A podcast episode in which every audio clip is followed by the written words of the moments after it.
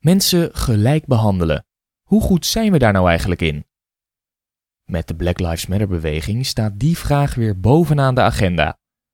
Uitgesproken racisme is taboe en weinig mensen hebben zelf het gevoel dat ze zich racistisch gedragen. Racisme is toch iets uit het verleden? Toch merken mensen uit minderheidsgroepen regelmatig dat ze anders behandeld worden.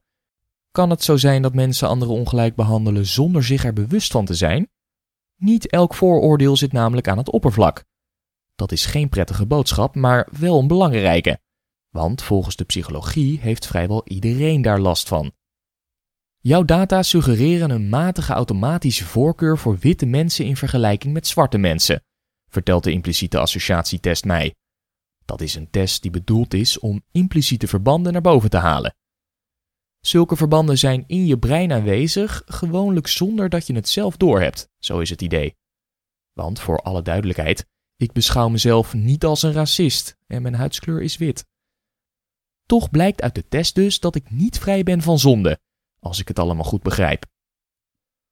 Al heb je dat gevoel niet, in je systeem kunnen toch vooroordelen verscholen zitten, legt sociaal psycholoog Gijs Belstra van de Radboud Universiteit uit. Die vooroordelen zijn een uitvloeisel van hoe onze hersenen werken. Je brein vormt allerlei verbanden tussen begrippen, zodat je snel kunt reageren op situaties. Als je aan regen denkt, denk je ook aan een paraplu. Doordat in de maatschappij nog allerlei vooroordelen rondzweven over mensen met een niet-witte huidskleur, roept een zwarte persoon bij de meeste mensen meer negatieve associaties op dan een witte persoon.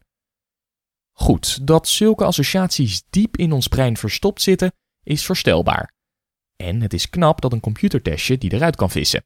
Maar die vooroordelen moet je in de dagelijkse praktijk toch gewoon geen kans geven?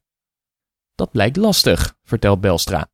Heel veel mensen zeggen: Ik ben geen racist en dus discrimineer ik niet. Helaas, zo simpel is het niet. Uit veel onderzoek blijkt dat die associaties kunnen samenhangen met je gedrag, ook al wil je dat niet.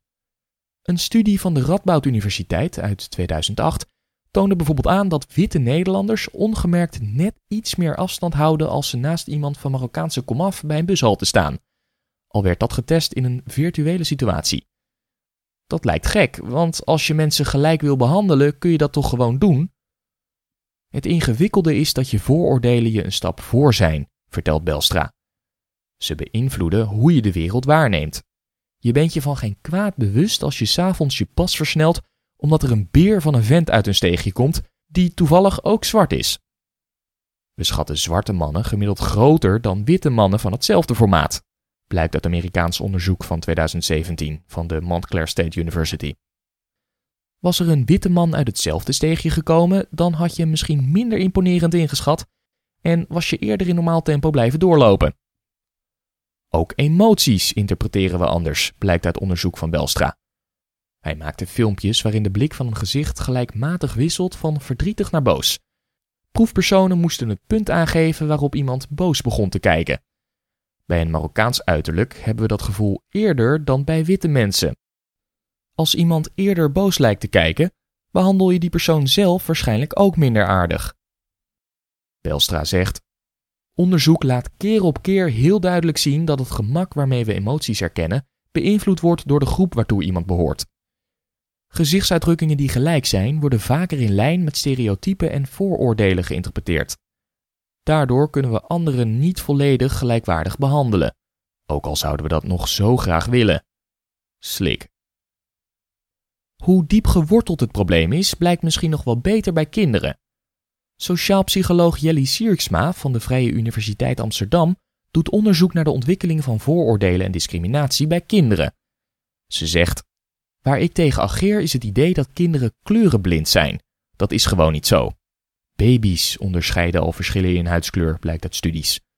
Sierksma legt uit. Dan zit er nog geen voorkeur bij. Maar rond het vierde levensjaar zien we dat kinderen ook actief een voorkeur gaan hebben voor hun eigen groep. Als je witte kinderen dan foto's laat zien van een wit en een zwart kindje en vraagt met wie ze willen spelen, zijn ze geneigd om eerder met het witte kindje te spelen. Ook jonge kinderen discrimineren dus eigenlijk al, duidelijk zonder kwade bedoelingen.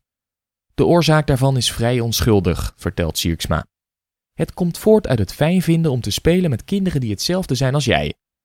Het idee is dat je een gevoel van eigenwaarde haalt uit het behoren tot een groep. Alles wat bij die groep hoort is positief.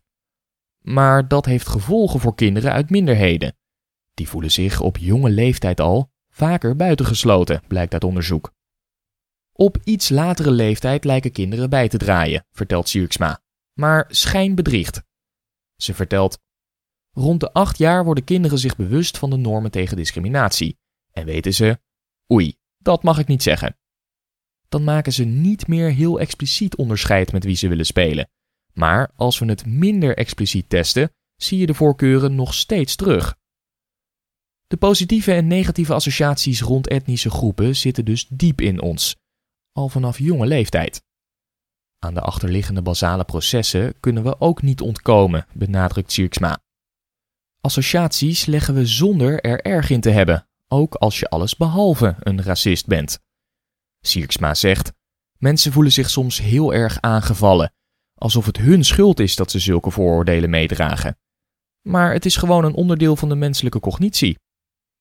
Dat betekent niet dat we die onbewuste ongelijke behandeling voor lief moeten nemen, zegt Welstra. Het moet zeker geen rechtvaardiging zijn voor het ongelijk behandelen van mensen.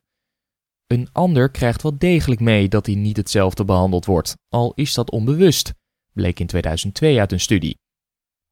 Witte proefpersonen dachten mee te doen aan een onderzoek naar kennismaken en bespraken een onschuldig onderwerp met een witte en een zwarte leeftijdsgenoot. Maar het was de onderzoekers te doen om hun verbale en non-verbale communicatie.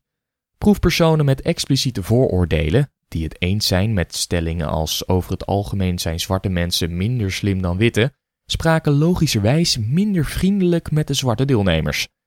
Maar juist de impliciete vooroordelen van proefpersonen waren in de lichaamstaal terug te zien, zagen de onderzoekers.